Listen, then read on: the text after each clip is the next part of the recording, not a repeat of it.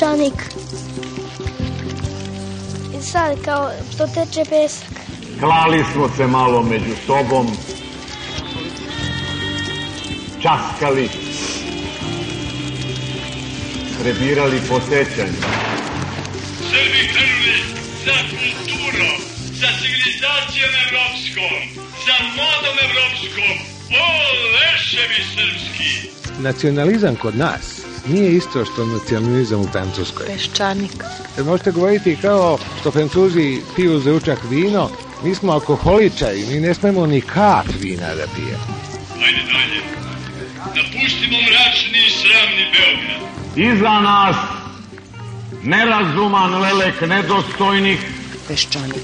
ispred nas ciljevi uzvišeni, Ovdje ljudi još uvijek masovno misle da socijalizam nije tako ređen. Može, treći put vodi pravo u Afriku. Ekonomski uvek, ako hoćemo tamo, onda smo na pravom putu. iznad nas zver koja nas vodi putevima gospodnjim.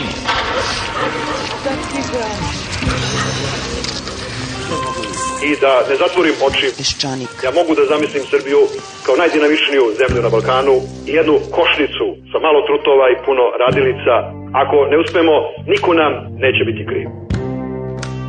Dugo smo, dugo još putovali. Dakle, mi smo izgubili 5. oktobar, da tako kažem. Nepredviđen. Na televiziji vidim da se i rezultat drugog svjetskog rata promenio. Ugleda smo u bistroj vodi naša lica. Prema tome, ja očekujem da će Srbija krenuti nešto novo tek kad pobedi Turke na Kosovo. Iznenada briznu smo u plaću. Peščanik.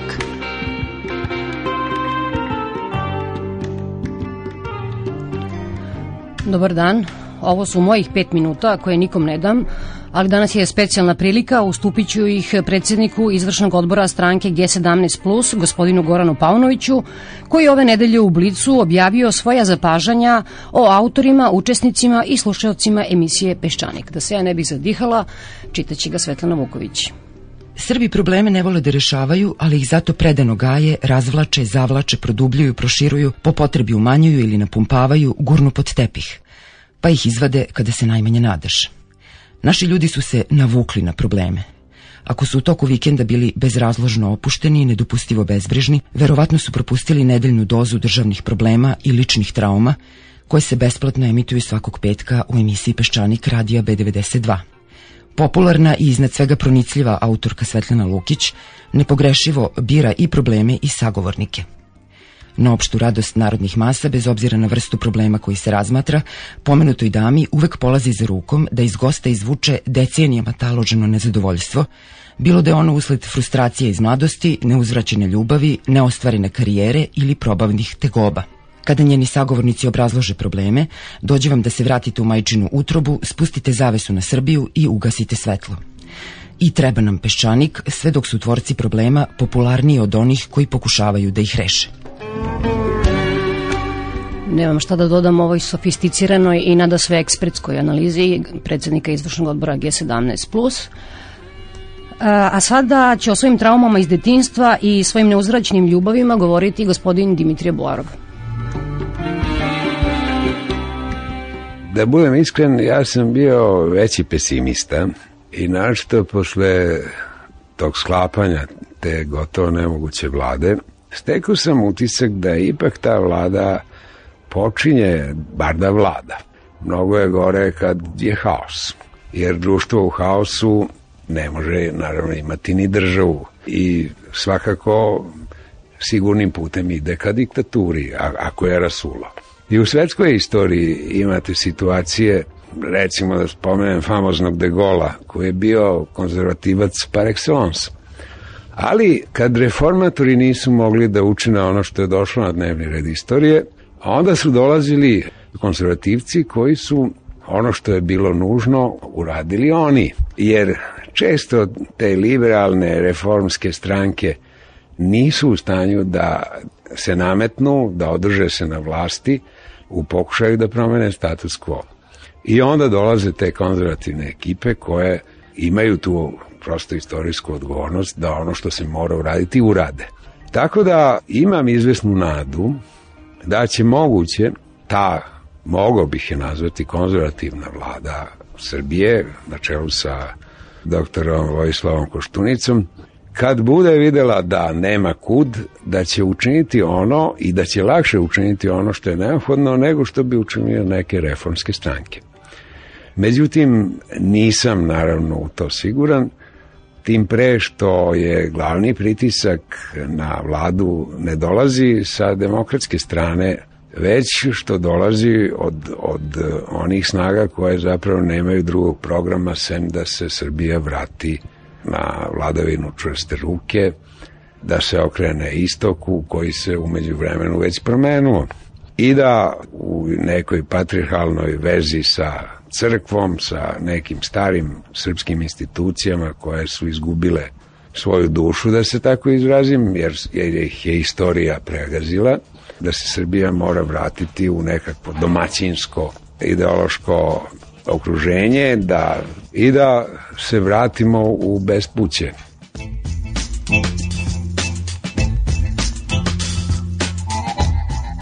U Đinđićevo vreme su učinjeni određeni pomaci.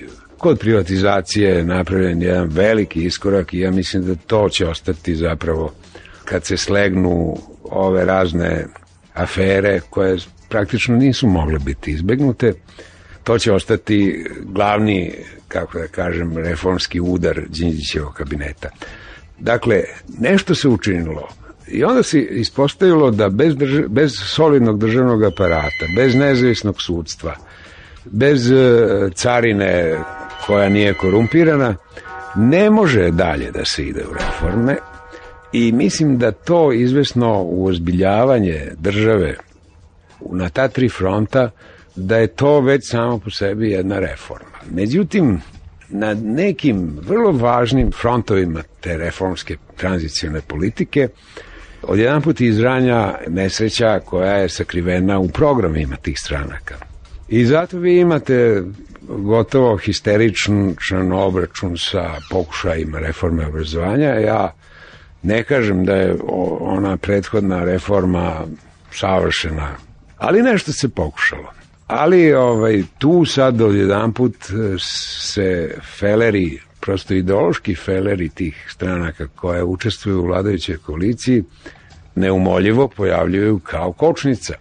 Ta jedna okrenutost e, Miloševićevoj političkoj infrastrukturi koja je glavna, glavni balast, e, po mom mišljenju, Koštunicine stranke, što je inače sakriveno iza te famozne teorije legaliteta, zapravo kontinuiteta. Dakle, taj balast, ta stranka očigledno nije u stanju da odbaci, tako da ćemo opet imati, što je u krajnjoj liniji neizbežno, ono da se na određenim sektorima isprednjači u tranziciji, a na drugima, nažalost, nemamo samo zaostajanje, nego bojim se da će biti pokušaja i da se stvari vrate tamo gde ne mogu da se vrate. I kad takva jedna poli raskrečena politika nađe se pod određenim spoljnim pritiscima ili nekim drugim političkim burama i olujama, naravno takva politika se onda slomi.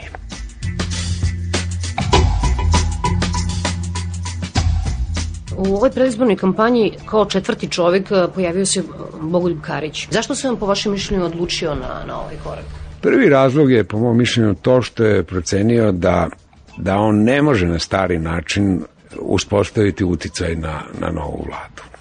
On je preživeo 5. oktobar, preživeo je čak i zaokrete u, u raspoloženju njegovog e, komšije Slobodana Miloševića, Znači, reći o jednom iskusnom čovjeku koji se obogatio uz pomoć države. Država mu je bila glavni advokat, država mu je proizvela sve papire, pa on sad uvek govori ja imam sve papire. I sada vi imate jednu situaciju kada dolazi na vladu jedna stranka kontinuiteta koja sad kaže jeste, možda su ti papiri sumnjivi, ali ti proizvođači papira proizvođači urednih papira su bili ovlašćeni da izdaju te papire. I to je uzgrebu rečeno glavni problem akcije vlade prema tajkunima u Srbiji, što svi oni imaju uredne papire. Ali da se vratimo na vaše pitanje. A, mislim da je on ipak procenio da ne može na stari način, bez obzira što, eto, svrne s vremena na vreme kod ministra Velje Ilića na kafu i rakiju i na patriotski razgovor, on je procenio da ova vlada neće biti njegov saradnik i da čak eventualno ima nameru da se s njim raspravi oko tog vlasništva, famoznog vlasništva u Moptelu. I onda je, naravno, njegov ispravan put da se, ceo taj spor koji verovatno sledi dobije izgled političkog spora. To je jedan od razloga. Drugi njegov razlog, ja mislim da su njegovi savjetnici, a i on sam je verovatno to procenio, da je sada pogodna prilika, jer po njegovom verovatnom mišljenju ovi kandidati su nikad slabiji, da možda on ima u, u takvoj jednoj konstelaciji šanse da zabeleži jedan značajan procenat glasova. I da pred sledeći krug, recimo sa tim procentom od 10%, bude strašno važan partner za trgovinu. I u toj jednoj situaciji kada nekome bude strašno važno da dobije tih njegovih 5, 6 ili 10% birača, on će moći da postavi određene uslove budućim pobednikom. Tako da ćemo posle drugog kruga imati predsednika koji će se osjećati dužan gospodinu Kariću. Ja mislim da treći razlog koji ovde treba bude spomenut je taj da gospodin Karić verovatno nema dovoljno finansijskog prostora kakvog je danas, kakvog je imao ranije, I najjednostavniji način da odbijete od, valov, od finansijskog valova razne prijatelje i druge kandidate je to da se sami kandidujete. A, a gospodin Karić je, to je procurilo u više navrata, pomagao, sponzorisao na svakim izborima neke stranke, neke kandidate i tako dalje i možda mu je dozugradilo to, pa je izabrao jedan vrlo elegantan način da ima izgovor da ne mora nikog drugog da plaća.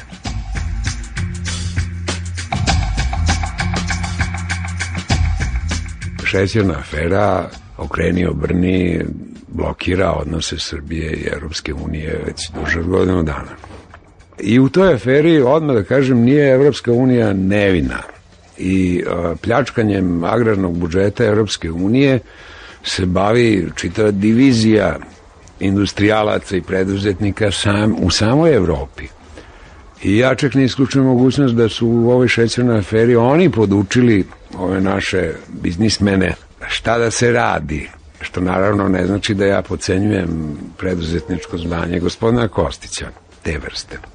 Međutim, tu sad nekakva teorijska rasprava nije dovoljna. Mora nešto se učini da se stvari raščiste, da bi se povratio eventualno preferencijalni tretman za naš šećer. Iako se situacija sa proširenjem Evropske unije bitno promenula, jer Poljska je, na primjer, jedan veliki proizvođač šećera, tako da sada će verovatno biti ti preferencijali kvantifikovani, suženi, ako ih ponovo dobijemo. To je pod jedan. Pod dva, ja mislim da je da otvaranje te šećerne afere ponovo je motivisano ne samo tom evropskom orijentacijom nove vlade, nominalnom, nego šećerna afera je zapravo afera Đinđićevog kabineta.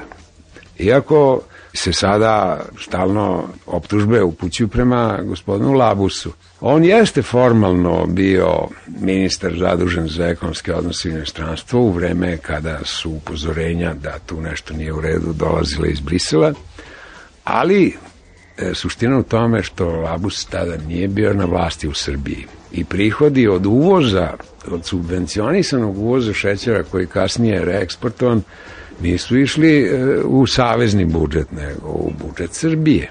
I sama ta be, beneficija oko šećera, e, po mom mišljenju, više zasluga Đinđića nego Labusa.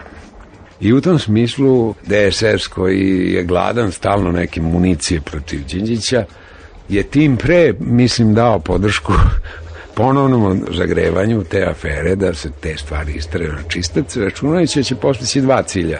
S jedne strane da će e, dobiti izvesne poene u Briselu, da se raščisti taj put ka sporazumu o, da, da se počne raditi taj osnovni dokument o asociaciji i pridruživanju, a s druge strane da se dobije i određena politička korist, bar tako čini mi se oni razmišljaju da se oblati malo Đinđićev kabinet i DOS-ova vlast, jer je zapravo činjenica da je ta afera plod toga što ta vlada nije stvari regulisala, nije uvela restrikcije na uvoz šećera, bar, bar iz Evropske unije.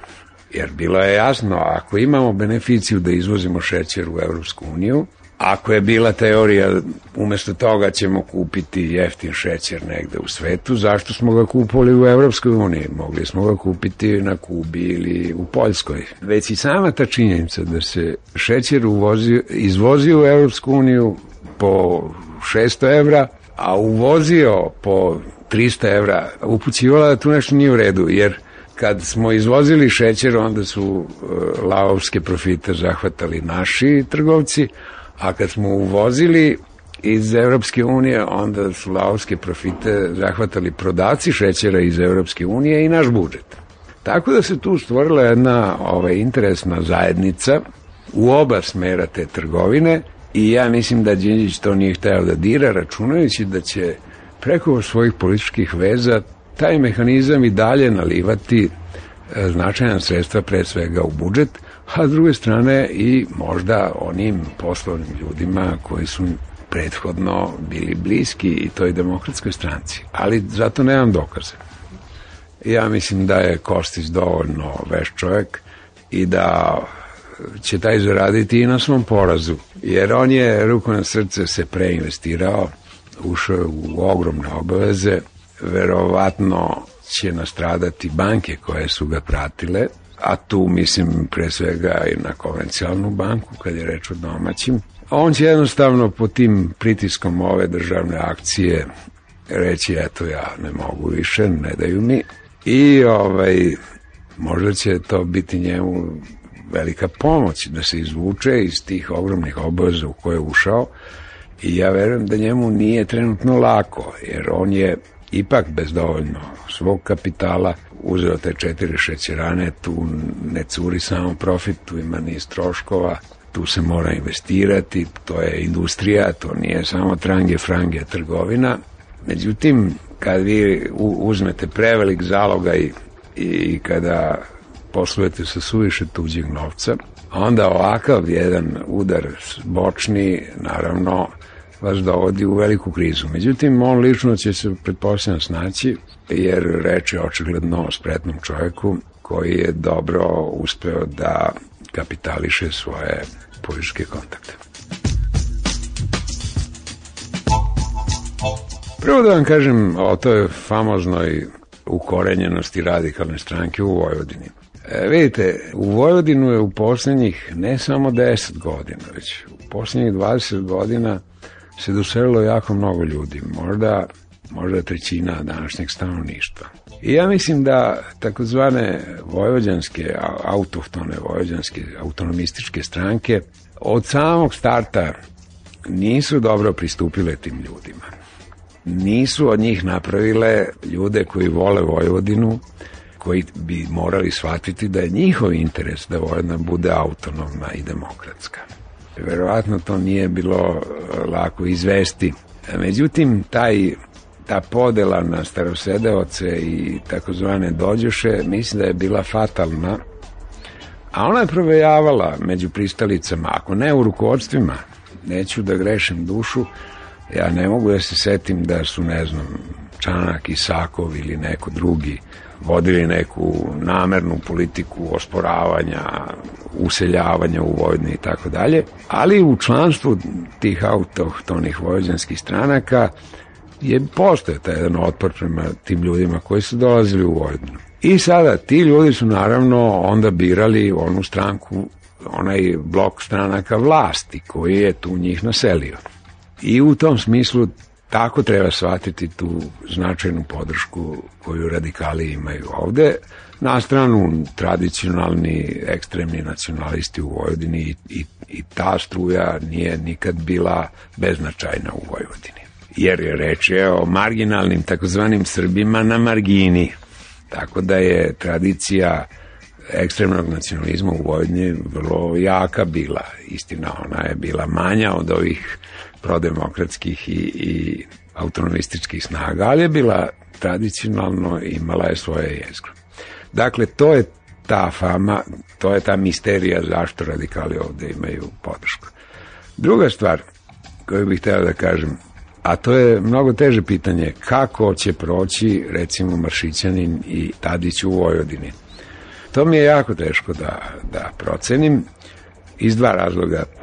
Ne, ne zbog uh, uticaja Koštunicine stranke u Vojvodini, već zbog toga što je G17 Plus u Vojvodini napravila jedan fantastičan prodor od osnivanja do, do izbora, ona je tu stekla jedan značajan korpus biračkog tela. Ne znam kako je taj korpus reagovao na okolnost da je G17 plus ušla u vladu ovakvu kakva jeste.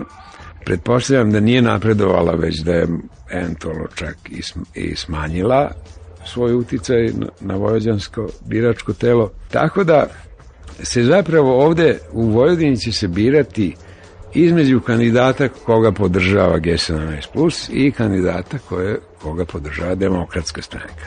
S obzirom da ljudi uvek imaju ipak izvesnu rezervu prema koalicijama koje nisu onakve velike koalicije kakva je bila ona protiv Miloševića, u tom smislu čak mislim da Tadić ima bolje šanse u Vojvodini od, od Maršićanina, koji inače kao ličnost po mom mišljenju nesrećan kandidat jer ima tu neku ovaj mešavinu nadmenosti i mrzovolje bez pokrića.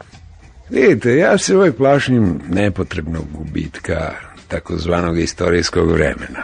Mislim da je greota trošiti još 5-6 godina u Srbiji da se dokaže da te stranke koje su sad jake ne imaju rešenje za Srbiju. To je greota. Bojim se da neke stvari ovde treba sedam puta da se obiju o glavu tog takozvanog običnog Srbina, da bi on shvatio šta je neminovnost. Prema tome, ukoliko Srbija posle predsjedničkih izbora ponovo uđe u jedan novi kovitlac političke krize i ako lek za tu za taj kovitlac bude nekakva vlada desnice, onda ćemo po mom mišljenju još osiromašiti i izgubiti još najmanje 3-4 godine i naći se u bespuću. Tako da dok ponovo to klatno koje je nažalost kao Fukovo klatno visi nad Srbijom ne zaljulja na ovu evropsku i demokratsku stranu. Toma Nikolić na pitanje gde će razvijati izvoz Srbije, on kaže razvija, i prodavat ćemo robu na istok. Međutim, vi pre možete sada naći tržište za proizvode Srbije ovakvi kakvi jesu na zapadu nego na istoku. Jer na istoku ste vi u konkurenciji sa najefikasnijim, najkrupnijim multinacionalkama a inače su uslovi na tržištu rudimentarni i te velike multinacionalne kompanije koje dominiraju tržištem Rusije, da se nalažemo, su konkurenti s kojima mi uopšte ne možemo da se nosimo. Prema tome, ta priča da ćemo mi izvoziti nešto u Rusiju je glupost u najbukvalnijem smislu te reči. Tamo gde Ikea je krenula, tu vi možete biti samo marginalni, marginalni producent u nameštaju, na primjer. Prema tome, Srbija zapravo, našto kad pogledate ekonomske resurse, a i sve ostalo, nema šta da traži na istoku zato što se istok promenio. Zapad je stigao do Vladivostoka, preko istoka. Istok je sada Irak, e, Bliski istok, eventualno. Prema tome, jednostavno, neke stvari koje vi ne možete prodati kao političke parole ni u jednoj gotovo zemlji na svetu, vi možete da, da prodajete u Srbiji i da narod aplaudira. Zato što postoji jedna teška, užasna inercija svatanja kod običnog sveta, a glavnu krivicu za tu učmalost, za nepokretnost Srbije snosi elita Srbije, intelektualna elita Srbije. Pa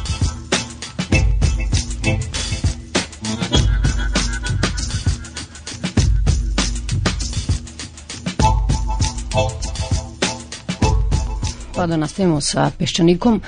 Slušali ste gospodina Dimitrija Boarova, novinara lista Vreme, a sada ćete čuti još jednog novosađenina, gospodina Mihla Ramača. Gospodin Ramač je kolumnista lista Danas, a ujedno i pesnik i prevodilac. Ja svako jutro prvo čekam da vidim onu seriju Izvini nikad, jer hoću prvo da se nasmejem, pošto znam da, da me čeka mu, mučan dan. Više ono, čovjek ne zna da, da li može, je dovoljno da kaže da je zgađen ili, ili nešto gore. Ovo poslednje sa korišćenjem majke ubijenog premijera prevazišlo sve, pasti, ja mislim da je čak i Sloba Milošević u svojim prljavim kampanjama bio anđeo u poređenju s tim.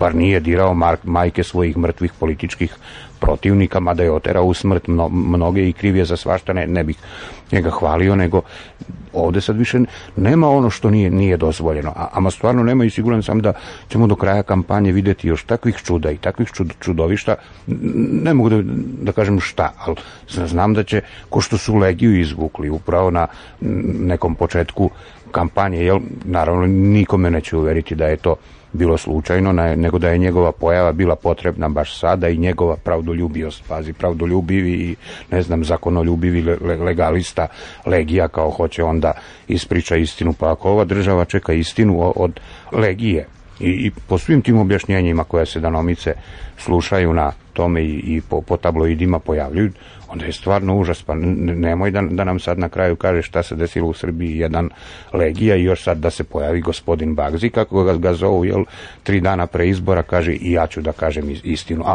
ne, ne me začudilo. Šta je mislite, da li je Vojislav Koštunica znao za to saopštenje? Naravno, sad spekulišemo potpuno. I drugo, ili uopšte to ima ikakve veze više? Pa znate šta, u Sibiru su ovi govorili osuđenici na smrt da drug Stalin zna, on bi nas spasio. E, otprilike tako, ne, ne pravim nikakvo poređenje, ali pravim to da ne, ne vidim kako predsednik stranke može da ne zna šta se dešava, što je on slučajno tog dana u Bukureštu ili negde, to apsolutno nema nikakve veze. Siguran sam da je smišljeno i naravno teorijski, jel, pošto nemam, nisam bio, nemam dokaza, ali ne mogu da zamislim da predsednik stranke i još predsednik vlade ne zna kakvu strategiju i taktiku i šta, šta će tačno doslovce re, reći neko od njegovih, nje, to su njegovi zaslanici u tom trenutku. Prema tome, ja, jasna stvar da je to i na kraju krajeva da je hteo, ogradio bi se istog dana ili sutradan, jel rekao bi, ama sa mnom to, to nema veze, preduzet ćemo mere, ovaj više neće da nastupa. Ne, ne, ne nemam nikakve dvojbe.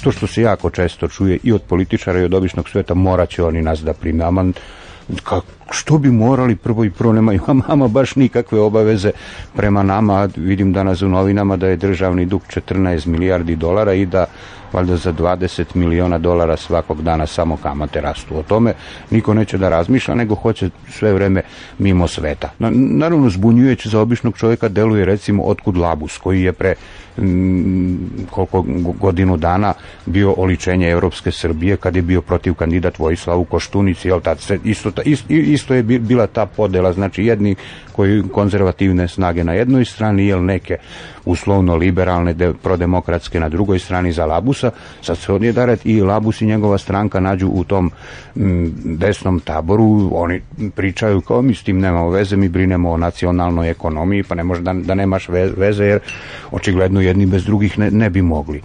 Prema tome, ajde, recimo da se oni bave sa samo parama, a bave se parama i, i to žestoko, jel? ali s druge strane oni su isto, isto ta glasačka mašina i ne mogu da kažu ni, ni za jedan zakon, odnosno nisu glasali ni protiv jednog zakona koji je do, do sad prošao, znači potpuno su deo, deo tog tih, tih političkih struktura, tih političkih grupacija koji vuku Srbiju jako desno, a još malo i krajnje desno.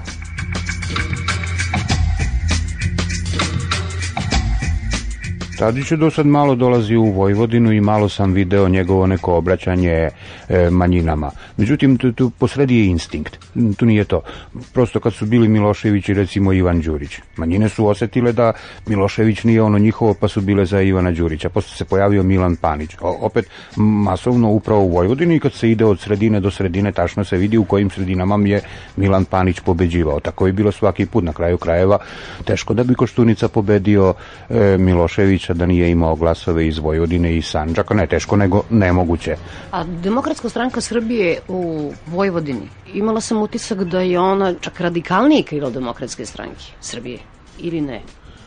Pa mekše nije sigurno. Mekše nije sigurno na kraju krajeva kod Dejan Mihajlov, jer kod koga smo počeli, on je recimo Vojvođanin jel, i iz Pančeva, Me, Mekši sigurno nisu zašto? Za, zato što su tu bili jaki SPS i radikali u jednom delu biračkog tela, znači trebalo je otimati njihove birače, a kako ćeš oteti nego da dokažeš da si ti nad popom pop. Znači, morali su da budu veći pravoslavci od patrijarha nisu ni išli ni pokušavali da idu recimo kod Mađara da idu kod Slovaka nego delovali su isključivo kod, kod Srba jel, tražili njihovu podršku njihovo članstvo je isključivo srpsko jel, i onda Vojvodina ipak ima oko 300 čini mi se hiljada izbeglica Te izbeglice jesu i tražile radikalnu i, oštru priču, naravno i svojih razloga. Čovek koji je u 30. 40. ili 60. godini ostao bez svoje kuće, živi u nekom, nekoj uđerici, on očekuje, em da mu država da, koja ga je gurnula u rat, on, od nje očekuje, očekuje da dobije stan, očekuje da dobije radno mesto, mnogi su to i dobili na lakši način upravo zbog toga.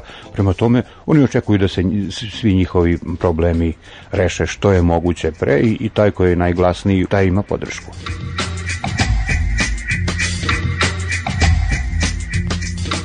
Stao sam kod ovih predizbornih najava. Sve teže je razlikovati ko, ko šta govori. Sasvim slobodno možete da izmešate imena da, da se ništa ne izgubi. Pa, pa ste Maršićanin najavljuje borbu protiv mafije kad dođe za m, predsednika države. Pa čekaj, ti si u ovoj vlasti sada. Šta si, kaže, šta si do sad uradio protiv, protiv mafije? Ili ono, čuje se isto i kod radikala, opet borba protiv mafije. Pa gde, gde je ta mafija? Stvarno se, se pitam gde je. Čekaj, ako već imamo to, toliko stranaka, bilo u vlasti, bilo u opoziciji, svi su protiv nje i niko ništa ne učini, ali na kraju nađu kao 1500 tona šećera izvezeno, jel, nenormalno, a ostalih 150.000 se ne zna ko je. Pa stvarno se ne zna koje i sad kaže neke ano, fantomske firme. Pa čekaj, izvod da iza fantomske firme sa jednim zaposlenim postoji taj jedan zaposleni, pa ako je taj izvezao 13.000 tona, pa da se može doći, doći do čoveka, do, dobar dan, ko, ko si, šta si, I, i opet kažem, su, bez obzira koliko bila prljava kampanja, ali su više bezbojna možda i njima sasvim svejedno, u stvari ajde da se otalja i taj posao i da se to završi.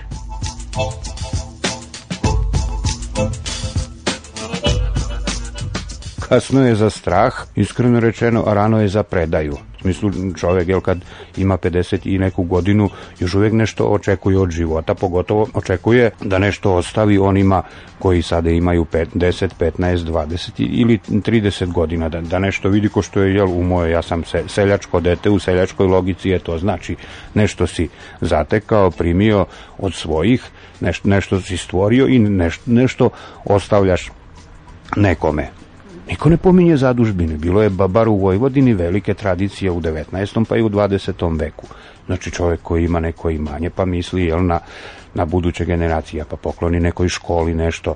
Sad, nisam čuo osim što vlada tu i tamo odnese neki kompjuter u neku školu jel, da pokaže kako se brine, ali nema pojedinaca koji to rade, a navodno imamo bo bogatih ljudi. Znači ne postoji ni, ni svest o zajedništvu nekakvom i opet ne, nema razmišljanja o, o budućnosti. Nekad su to bile petoletke, danas se smeje. Međutim, petoletka jeste ipak odredila, molim, tol, toliko šećera, toliko čelika, toliko novih škola. I to je funkcionisalo. Sad se misli sa, samo, na, samo na današnji dan, što, što je poražavajuće.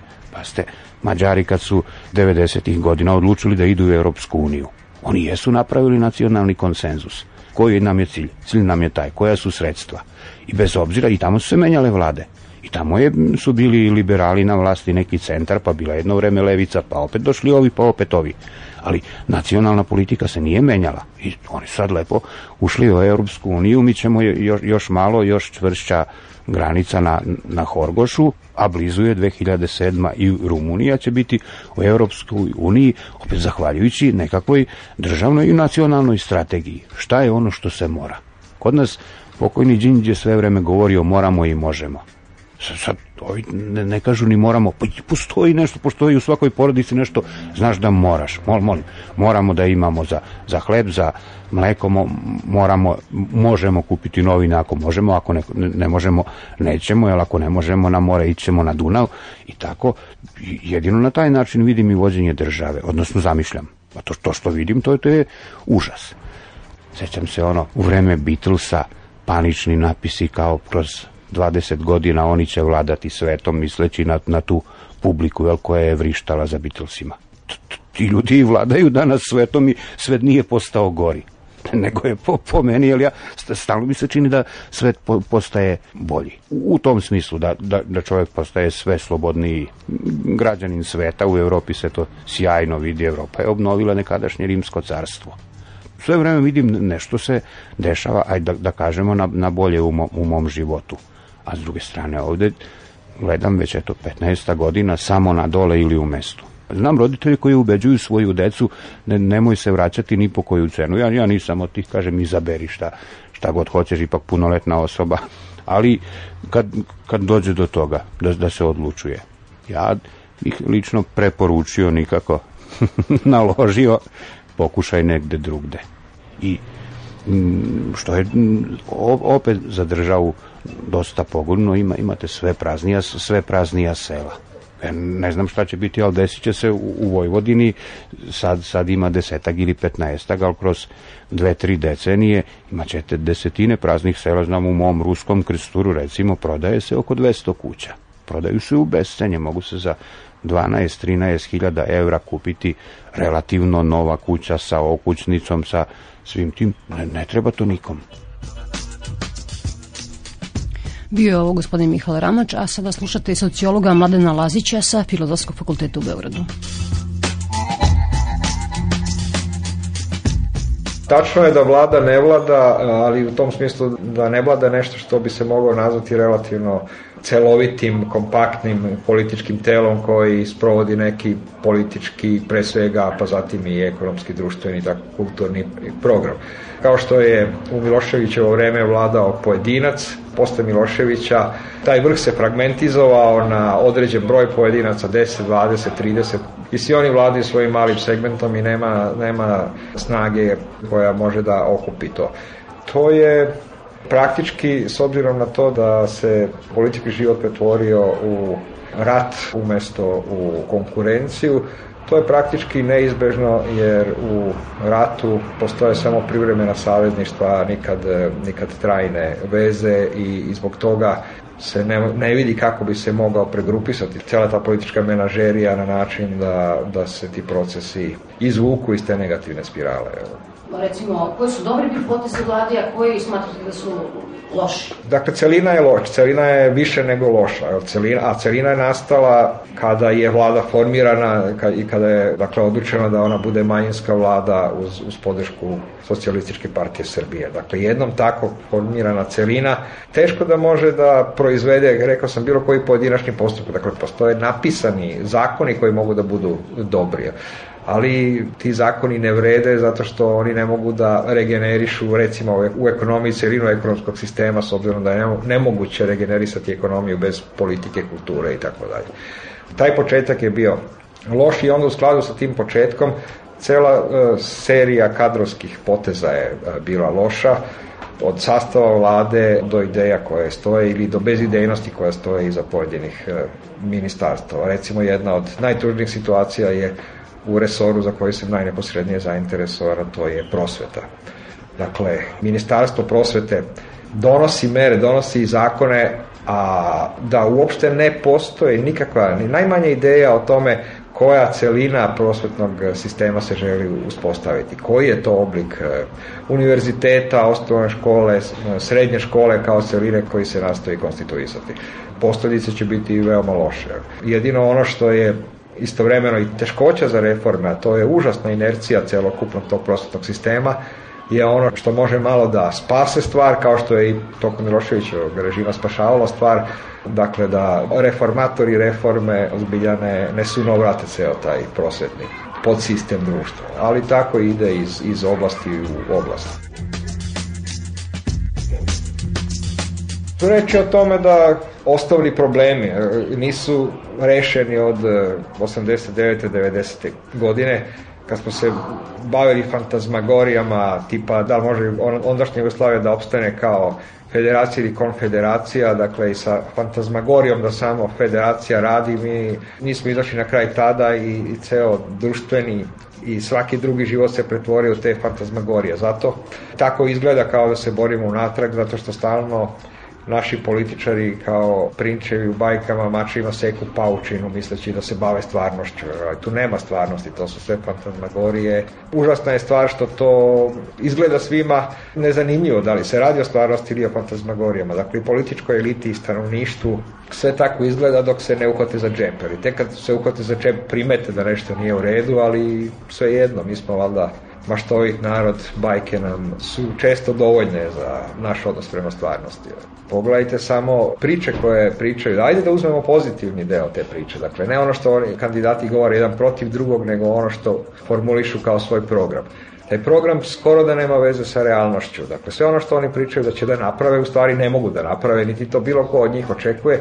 I najsmešnije je što svi znaju da to što oni obećavaju se ne može napraviti, prosto institucionalna pozicija to ne mogućava, ali to nikome ne smeta, niti to njima umanjuje ugled u javnosti, niti im to na kraju kraja može doneti ne, neki ozbiljniji pomak u privlačenju dela javnosti. Dakle, kažem, bavi, bavi, bavimo se senkama, svi se bave senkama i zato je ovako jedan prošli događaj koji u stvari je s jedne strane potpuno neproziran za sada i ne znamo šta se dogodilo, sa druge strane izgleda da je potpuno proziran, to je znamo šta se moralo dogoditi.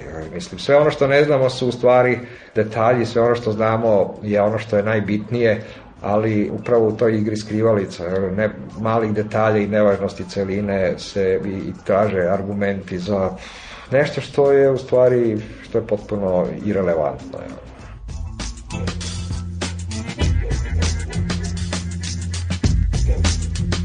Radili smo istraživanje jedno, krajem prošle godine i početkom ove godine, veliko istraživanje o vrednostima između ostalog orijentacijama stanovništva i na, stvarno na moje čuđenje, ja verovatno zvučim sada kao i obično kao pesimista, ali evo, čak i pesimisti mogu da se negativno iznenade. Naime, očekivao sam da je ovo silno vreme, ovaj silni javni govor, na kraju krajeva zamor materijala doveo do toga da zainteresovano za nacionalno malo se umanji.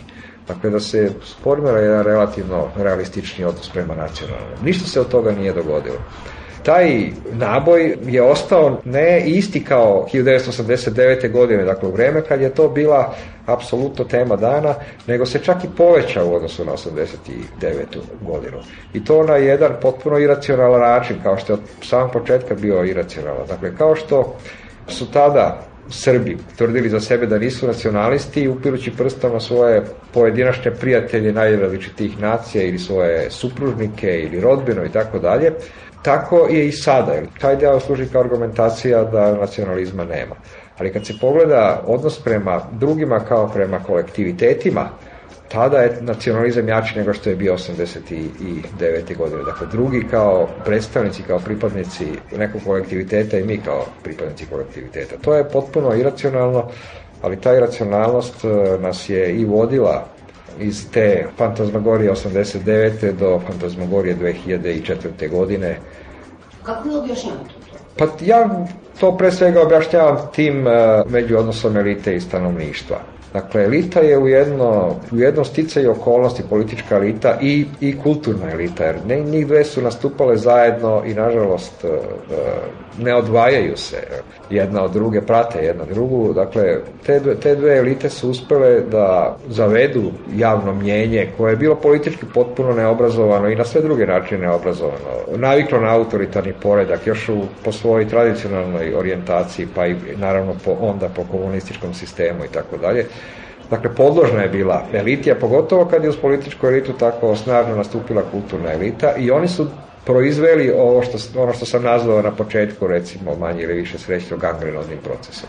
Dakle, na neki način su pokvarili tu neizgrađenu javnost koja je u drugim istočnoevropskim zemljama isto tako naivno, isto tako neposredovano, isto tako bez argumenata, opet fantazmagorično poverovala u demokratiju i tržište. Tako su naši na isti taj način poverovali u naciju i državu i, i u vođu.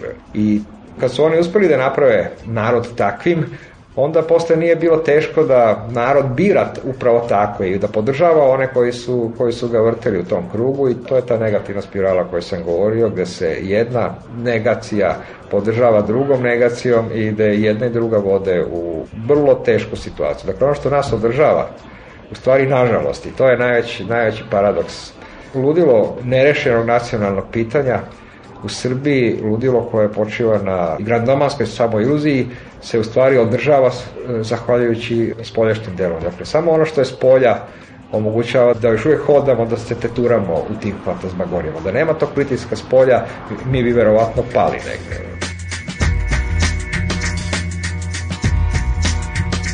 2000. godine je izvršen jednostavni transfer. Vođa je zamenjen vođom. Vojislav Koštunica te 2000. godine nije bio percipiran kao ličnost, nije bio percipiran kao nosilac e, nekog specifičnog političkog programa, a na kraju krajeva nije ni predstavljao neku vrstu središta, zajedničkog središta nekog političkog pokreta.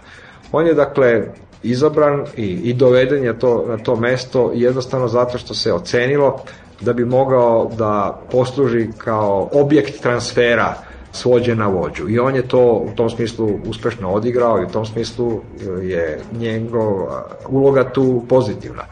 Međutim, stvari u tome da onda nije izvršena, a, ja znam da je jako teško bilo izvršiti bilo kakvu onda političku, s jedne strane diferencijaciju, a to znači da se e, politički subjekti koji su izašli iz 2000. godine na neki način razvrstaju prema svojim političkim opcijama i prepoznaju ono što je zajednički imenitelj u realnoj, u realnosti, ne u imaginaciji kao što je ličnost vođe bez obzira koji za te ličnosti stajao, nego u realnosti, odnosno savezništu političkih programa koji je demokratska transformacija i tržišta transformacija i kulturna transformacija i tako dalje, nego su izašli iz te jedne senke, onako kako su u nju ušli, kako su u nju uterani u stvari, opet s polja i silom. S polja, kad kažem, mislim na političke politički narod u Srbiji i mislim na inostranstvo. Dakle, uterani u senku i iz nje posle toga isterani, da tako kažem, isto onako antagonizovani, isto onako međusobno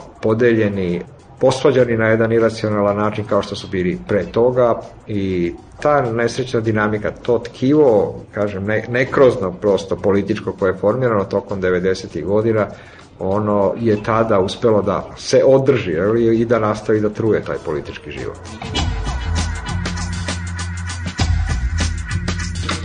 Stalno se govori o tom programu stranaka. Ali im se utisak ponekad da ne možete tačno da fiksirate za jednu stranku, su monarhijski ili su republikanci? Da li su liberali ili socijaldemokratska varijanta? Da, stvar je u tome da je sve konstituisano po tom sistemu. Ja sam rekao, radi se o jednoj tradicionalnoj autoritarnoj svesti koja je prekomunistička kod nas i koja je uvek vršila identifikaciju svega ostalog sa, sa nekom ličnošću i, i mi smo izašli iz sistema prethodnog, a da se tu ništa nije promenilo. Dakle, niko ne stupa u partiju, u neku stranku zato što ga zanima program te stranke u osnovi, nego zato što ulazi u jednu vojnu jedinicu, da tako kažem, koja je na čelu general, jeli? Dakle, sve drugo je, sve drugo je hijerarhija, nema ničeg drugog van hijerarhije, zato su programi irelevantni za bilo koga, za stranku, za stanovništvo, za vođu. Važno je još nešto drugo. Važno je to da su u stvari zaraćene vojne jedinice jedinice u koje su pretvorene naše stranke. One se kao i klasične vojne jedinice bore za višestruke ciljeve.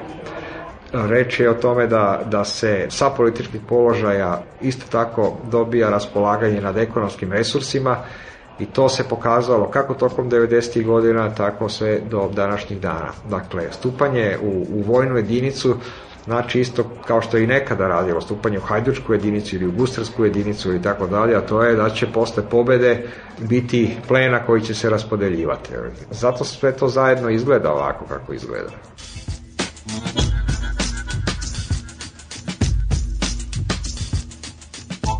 Mislim, neće se dogoditi ništa strašno, jer se nama sve što može da bude strašno već dogodilo. U tom smislu, dakle, ništa što nam se nije dogodilo, nam se neće novo dogoditi. Navikli smo, prošli smo kroz sve to, ali je dugoročno gledano, zemlja pada u, na peri, takozvani periferijski položaj, Dakle, nema izgleda ne za 5 godina, nego nema izgleda za 50 godina da se ekonomski razvije to znači, pošto će biti okružena Evropom, to znači da će nam se događati ono što se događalo i što se događa i ostalim zemljama periferije paničan pokušaj da se pobegne iz te zemlje i sa, i sasvim opravdanih razloga. Dakle, ispuštanje najzdravijih sokova iz zemlje, to znači jer mladi, jer oni će moći da beže, mladi i obrazovani ljudi i dakle to je jedna negativna dijalektika koja se prosto otvara bez jasnih naznaka kad bi moglo da se završi.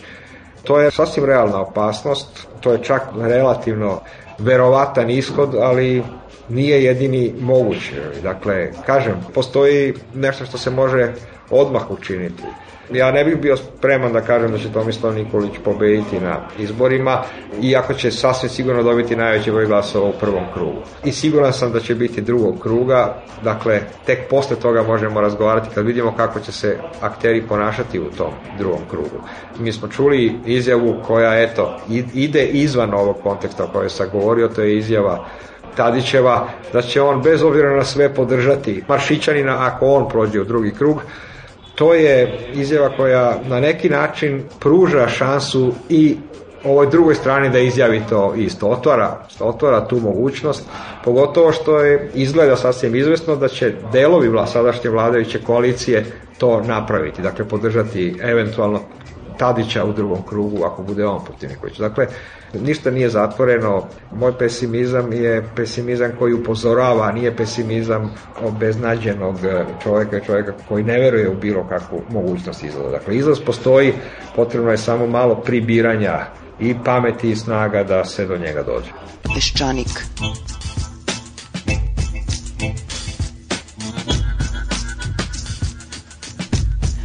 Danas tačno u podne ministarka prosvete Ljiljana Čolić obrazlagaće poslanicima Skupštine Srbije zašto je njen predlog zakona o izmenama i dopunama zakona o osnovama sistema obrazovanja, vespitavanja dobar, zašto treba da ga usvoje, a ako se budu nećkali imaju vikend pred sobom, morat će da rade i za vikend, pod hitno treba ova stvar da se reši. A inače ovaj zakon je jedna od omiljenih tema našeg sledećeg sagovornika, predsednika građanskih inicijativa Miljenka Derete. Oni su pokvarili mnogo toga, do upropašćenja srećom ima još nekoliko koraka koji se mogu sprečiti ili bar usporiti. Očigledno je da su oni došli sa jednom gotovim jednim konceptom da sve što je urađeno ne valja, da su uopšte nisu udubljivali, da nisu proučili šta je urađeno umeđu vremenu, da nisu uopšte se pozabavili time gde ta reforma zapravo vodi i šta je ključna promena koja se tom reformom postiže i očigledno je takođe da oni ne žele drugačije odnose u školi.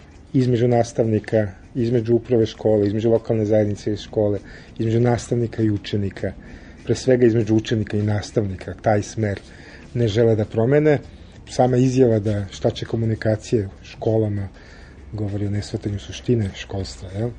A ja, pošto sam u tom smislu vrlo oprezan, vidim jednu veliku opasnost u nameri da se zapravo zadrži strah od autoriteta u školi.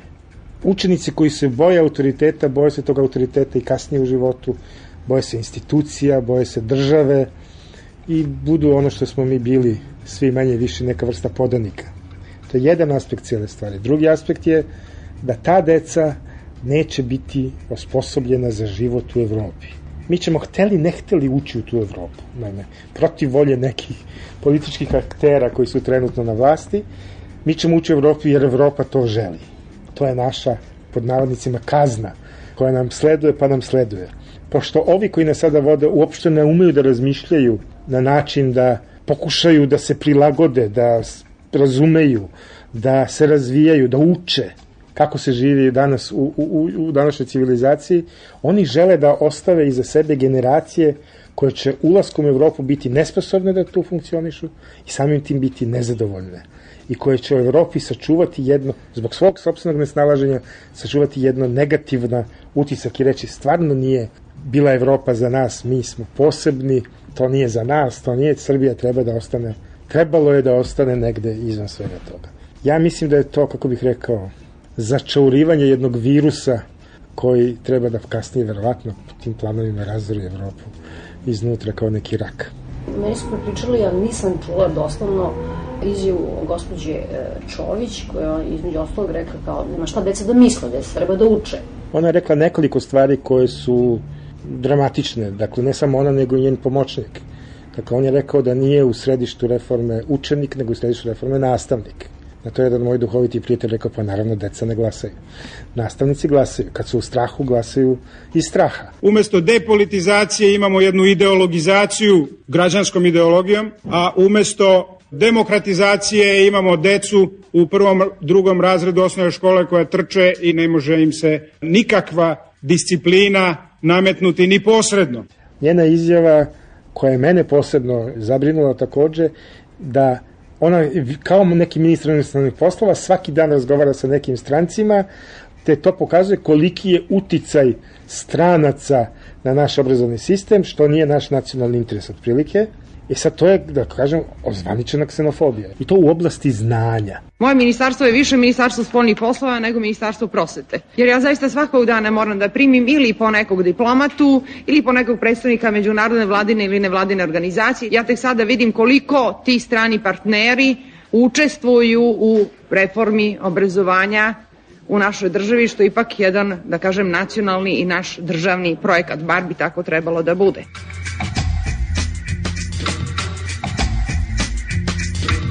Ima ova stvar, jedna koja je potpuno nezaobilazna, to je nevjerovatno saopštenje e, Demokratske stranke Srbije. Svi smo se naravno zgrozili na tim i svi su rekli po nešto loše o tome, osim onih koji je trebalo to da urade. Dakle, gospodin Maršićanić je to u stvari podržao i rekao da je to istina i da kad je to istina, pa žao, nam je. Gospodin Koštunice po, verovatno još nije obavešen šta se dogodilo, a svi drugi, čak i koaliciji, su se od toga ugradili koliko god su mogli. Međutim, ja mislim da je to jedan mnogo dublji problem stoji iza toga, a to je da mi imamo jednu vrlo čudnu, čudne predsjedničke, predsjedničkog kandidata koalicije, koji je potpredsjednik jedne stranke. To nigde na svetu nema. Da je predsjednik jedne stranke premijer, a potpredsjednik ide na mesto koje po nekoj hjerarhiji bi trebalo da bude više i značajnije. Dakle, vi imate tu jednu vrlo zanimljivu situaciju gde će šef stranke moći da naredi, kao šef stranke moći da naredi predsjedniku šta treba da uradi sa premijerom vlade, sa premijerom, jel? To su odnosi koji nisu zdravi ili pokazuju da se ne zna tačno šta će biti po novom ustavu ingerencije predsjednika. Jer ako ono ostanu kakve jesu, on treba da bude zaista neko ko kontroliše rad Skupštine i vlade u smislu odobravanja nekih zakona i tako dalje i tako dalje. Ovde ne, ne da postoji sukob interesa, nego postoji zajednički interes te dvojice ljudi i te grupacije da sve što jedan zamisli, drugi aminuje. Jel? To je, u stvari mi treba da izaberemo, ako glasimo za Mašićina, drugog Lilića, koga smo, kome smo se svi smejali i znali smo koja mu je uloga, ili drugog Milutinovića. Dakle, imamo krizu institucije jedne, vrlo ozbiljne. Kada imate kampanju u kojoj najbolji govornici su oni sa strane, a sam kandidat jedva ume nešto da kaže, to onda celu stvar potpuno dezavuiše. A ovo vezano za ovu izjavu govori o činjenici da oni osjećaju da gube. I oni su sada u jednoj ne, neobičnoj situaciji da ako bilo ko osim njihovog kandidata pobedi, po meni vlada bi trebala da podnese ostavku. Jer ako vlada, vladajuća partija ne može da svog kandidata izgura da bude predsednik, onda ona nema poverenje naroda. Jel? Tako da su oni u situaciju koje gube, mako drugi da pobedi. A ja kako stvari stoje se bojim da posle ovakvih gestova, nadam se zapravo, ne bojim se, da će građani razumeti šta je se u stvari ovde događa i glasati za neke druge kandidate. U tom smislu je ova izjava zapravo jedan, po meni, znak panike, s jedne strane, i s druge strane jedne apsolutne bezosećajnosti, bahatosti, zloupotrebe vlasti zapravo, jer ne zaboravimo da svi oni koji bi trebalo da reaguju na to spadaju u policiju i sudstvo, što je takođe pod kontrolom te partije. Da je tako nešto izjavio bilo koji drugi kandidat ili njegov štab, ja sam uveren da bi naši legalisti već preduzeli konkretne mere da se taj kandidat onemogući u dalje svojoj kampanji.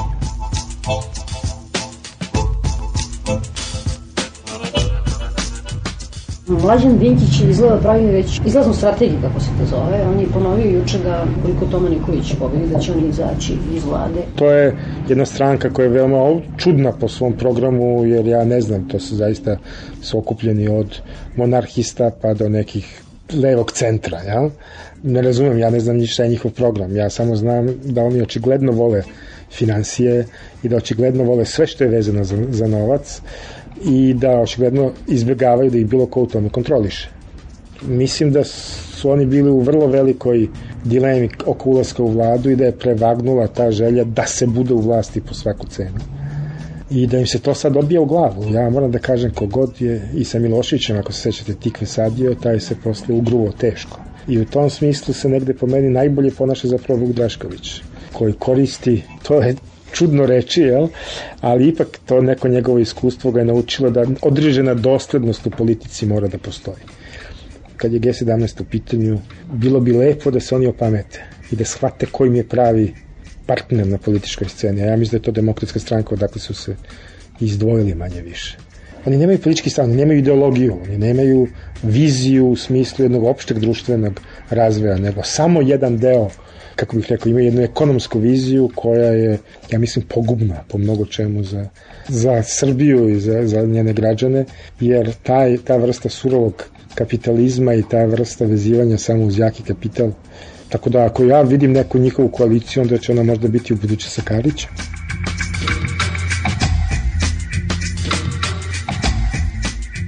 Mislim da je danas u novinama objavljeno ko je zamenjen u savjet univerziteta Sva imena koja su smenjene su poznate u javnosti. Sva imena koja su novi članovi savjeti su apsolutno anonimni.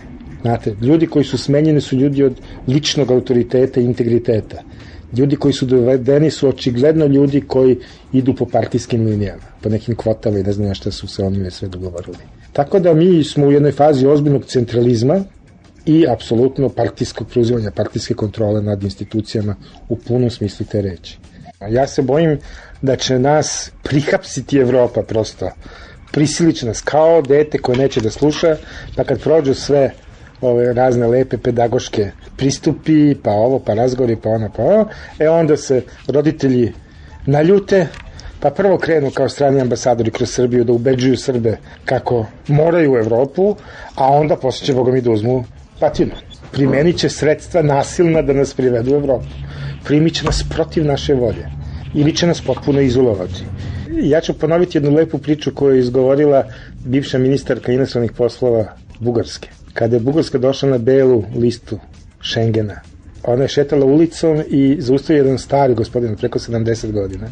I rekao, ste vi ministarka inostranih poslova? Kaže, jesam. Znate, kaže, ja sam star. Ja u životu nikad nigde više neću putovati. Ali sad kad možemo da putujemo, samo sam tada da se hvala vam na osjećanju.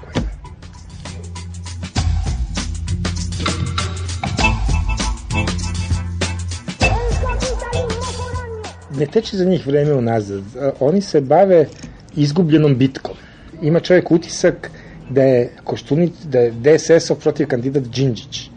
Znate, što reče da onako sarkastičan čovjek. I danas je Đinđić življi od celog DSS-a u smislu aktivnosti. To je neka vrsta, moram da kažem, patologije prosto u kojoj se taj obračun sa tim čovekom nastavlja bez obzira što on više ni na koji način osim kroz naše sećanje i kroz svoj rezultat koji oni uporno odbijaju da priznaju, im preti prosto, jer ćemo stalno porediti to što rade nove vlade sa onim što je on i njegova vlada radila. I pokazuje se da ta vlada je bila mnogo bolja nego što je bilo ko hteo da prizna. I sad polako to izlazi na videlo.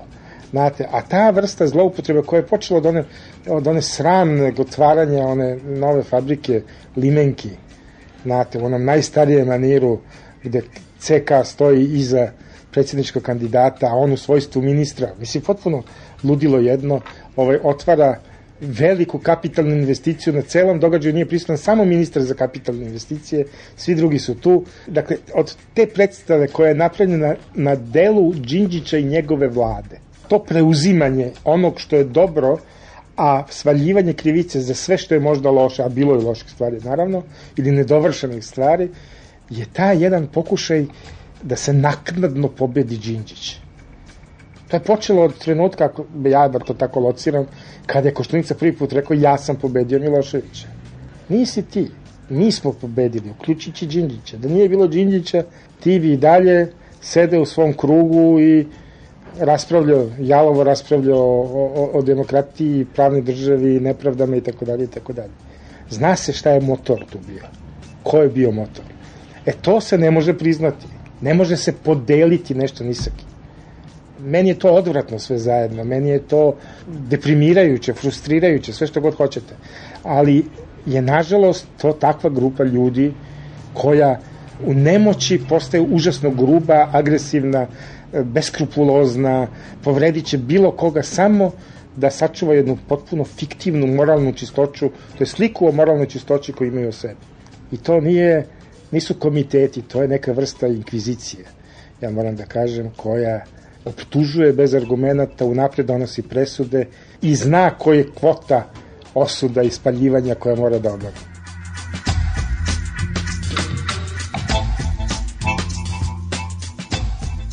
Oni prosto misle da vremenom ljudi pristaju na ono kako se mi ponašamo. I da će oni tako eto da izdrže određeno vreme, koja Dinovića da izdrži određeno vreme kritike i svi ćemo leći na rudu i rećemo daj, neću više da se bavim Dinovićem, gotovo. E sad, to u domaćim uslovima možda može da funkcioniše, jako sumnjam. Jer kao što vidite, recimo, ljudi su se ozbiljno samoorganizovali po pitanju reforme. Sad će početi prikupljanje potpisa roditelja, što je poteklo od nastavnika i što je poteklo od nevladinih organizacija unutrašnjosti. Da se prikupe potpisi roditelja koji protestuju protiv ovih promena. Jer su kao zainteresovana strana potpuno zaobiđeni u ovim promenama. Njima je prosto javljeno preko medija da će im deca ići u drugačiju školu nego što su sada idu. Ja? To će ići teško i na domaćem planu, a sasvim sigurno neće proći na međunarodnom. Neće. Neće. To ne može da bude. Lečit će nas na silu. Postaćemo institucije za lečenje antievropizma. Predsednik Evropskog pokreta u Srbiji Živorod Kovačević u listu danas. Chris Patten, evropski komesar za spoljne poslove, koji važi za skeptičnog pragmatistu za razliku od vizionara Solane, iznao je 28. aprila poslanicima Nemačkog Bundestaga jednu dosta sumornu analizu procesa približavanja zemalja Zapadnog Balkana Evropskoj uniji, pri čemu je naša državna zajednica ponajgore prošla. Početna je zgrovita i prilično drastična ocena napretka Srbije i Crne Gore u tom procesu glasile, to je tragična priča. Budimo načisto, Srbija može da zaštiti one koji su optuženi za masovna ubijanja i druge užasne zločine ili može da se pridruži Evropskoj uniji, ali ne može oboje. Ono što nam je očajnički potrebno jeste obnavljanje duha 5. oktobra, tako da se današnjim izazovima odgovori jedinstvom cilja demokratskih snaga Srbije. Ne možemo prihvatiti da se oni pretvaraju da sprovode reforme, a da se mi pretvaramo da im verujemo, rekao je Paten.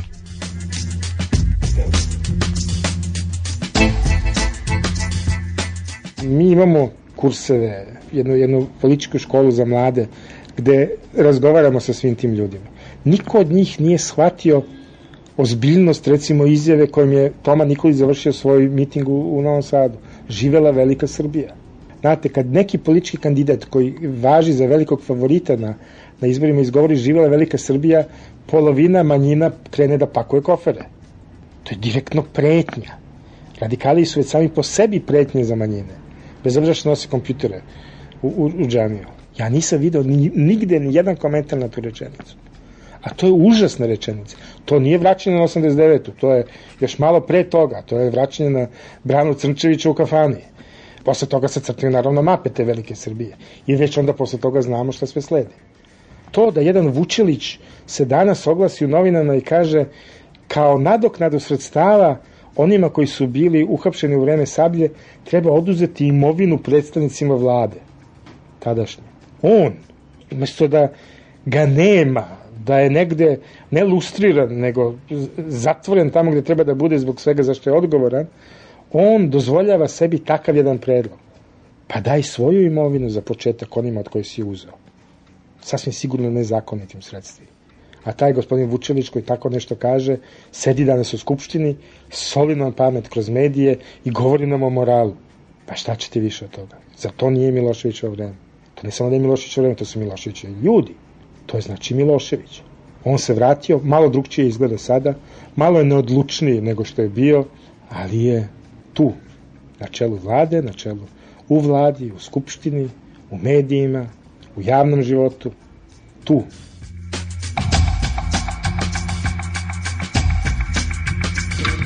Absurdno zvuči, ali izabravši pristojan način obhođenja, Tadić se stavio u veliki rizik. Ja ću da rizikam pa ću da budem pristojan i fin. Znate, to može samo u Srbiji da vam se desi. Jel? Ja negde vidim jedinu njegovu, jedini njegov problem što je jezik kojim on govori možda nerazumljiv mnogima. Međutim, iz te strane on preduzima, preuzima rizik jer se opredeljuje za određeno biračko telo koje ga razume. I ja se nadam da će bar ti ljudi koji ga razumeju, koji umeju da misle, glasati ovaj put. Izaći i glasati. Ne glasati kod kuće za njega i reče ja bi baš volao da on bude predsednik, pa onda celu nedelju da provedu u kući da ne ide do glasanja, nego da preuzmu taj veliki napor i odu do glasačkog mesta i zaokruže tog jednog kandidata i vrate se kući. Dakle, moj lični izbor je sasvim sigurno on i ja moram da kažem da ću ja kao i mnogi moji prijatelji imati ogroman problem sa izborima ukoliko u drugi krug uđu, uđu radikali i DSS. Ja sam do sada uvek glasao. Ja se bojim da ja više ne mogu svoju ruku da nateram na tu vrstu kompromisa. Znate, jer meni je, iskreno da vam kažem, potpuno svejedno koji bio ta dva kandidata bio predsednik. Razlika postoji pre svega u onome što govori DSS, to je preteći nam radikalima. Znate, nemoj, vi mislite mi smo najgori, nismo mi najgori, ima i gori od nas. E pa sad mene više to zaista ne zanima. Vidim kakvi su na vlasti, budući da su G17 rekli da će da izađu iz vlade ukoliko pobede radikali, nemam čemu da se nadam, znači vlada će da padne i ovako i onako, imat ćemo nove izbore. Ako e, G17 ostane, a Maršićanin bude predsednik, vidjet ćemo kako će se stvar razvijeti. Mislim da ni to ne može dugo da opstane zbog razlika unutar te koalicije. Ja mislim da nama predstoje vrlo brzo i republički izbori, prvo nam predstoje vrlo ozbiljni lokalni izbori, gde će se u stvari voditi prava bitka ko će vladati Srbijom, a očigledno se sve čini sa promenama zakona, sa promenama e, zakona pre svega lokalne samouprave, načinu izbora i tako dalje, da se i na lokalnom nivou stvori situacija koja bi bila replika Republičke skupštine. Što naravno znači da ni lokalne uprave neće funkcionisati kako treba. U ostalom šta se događa u tim raznim preraspodelama lokalne vlasti videli smo sad u Smederevu gde, gde je nova vlast odmah upala na silu u televiziju, pa mislim, kak, vi kažete liči na 89. Pa to je 89. Policija razbija, to jest ne policija, nego opštinsko bezbeđenje razbija vrata, ulazi u, u, u televiziju i za vršica državne se imenuje zamenik ministra. Apsolutna centralizacija, partijski mediji i apsolutno nepoštovanje slobode štanda. 89. Čista. Prekjuče je u prepunom domu sindikata održano veče posvećeno arhimandritu Justinu Popoviću kao neka vrsta pripreme za njegovu skoru beatifikaciju. Govorili su njegovi duhovni učenici, vladike Irine i Artemije, mitropolitan Filohije, međutim zvezda večeri je bio, kao i uvek, vladika Atanasije. Slušajte prvo tekst oca Justina o duhu vremena. Čujemo još jedan intekako aktualan odlomak iz dela oca Justina pod naslovom Duh vremena. U našoj haotičnoj sadašnjici jedno božanstvo sve više potiskuje ostala božanstva. To božanstvo je duh vremena. Pred njim danonoćno metanišu izmučeni žitelji Evrope. Bog njihov, duh vremena, složen je. On sadrži u sebi sve protivrečnosti modernog života. Kulturu i civilizaciju, filozofiju, nauku, katolicizam i protestantizam. No što je najstrašnije u ovome, To je sistematski organizovan ustanak protiv čovečije ličnosti. Planeta je naša nemilosrdna. Mnoge bogove ona unela u svoj pomenik, no nije bilo tako besmislenog boga kao što je duh vremena. Jer Evropa je u njemu obogotvorila sve svoje bolesti, sve svoje grehe, sve poroke i prestupe svoje. Da je tako, Evropa je to dokazala ljudožderskim ratom jučerašnjice. Dokazuje i ne manje, ljudožderskim mirom sadašnjice. To može videti svaki insekt koji nije zaražen duhom vremena našeg. I u čitavom pravoslavlju nema tako da punoći takva ova pločuje je autentično, izvorno, pravo pravoslavlje ko što je to Justin. I vladike Nikolaj na svoj način i on na svoj način, jer Bog se ne ponavlja. Bog ne pravi klišeja. Ovi kreteni hoće da prave danas, kako se zove ovo, kloniranje. Da nas kloniraju poput Blaira ili Clintona ili kad vidite šta rade sa jadnim Iračanima, šta da kažemo o nama? Kakve su zveri, imaju slike, imaju snimci kako su kad su dolazili pucali odreda. Zgražavaju se Norvežani kad su neki je otkrio kako njihovi vojnici pucaju u pse po Kosovu i Metohiji. A u Srbe niko se ne zgražava od njih. Neka i vidi Bog. Ali vidimo i mi. Zato da se učimo do Justina tom pravoslavnom realizmu, bogočovečanskom realizmu. Nema zemlje ako nije sa nebom vezana i spojena sa nebom Božim, ne samo sa nebom ovim galaksijskim. Kad se kod nas pojedini cinici sprdaju srbišku nebeski narod, oni misle da time vređaju Srbe. Jedan pokojni predsjednik što je prešao iz ovoga sveta, onaj ne tako davno je govorio, ja se borim za zemaljsku Srbiju, mene ne interesuje nebeska Srbija. Nije znao šta govori.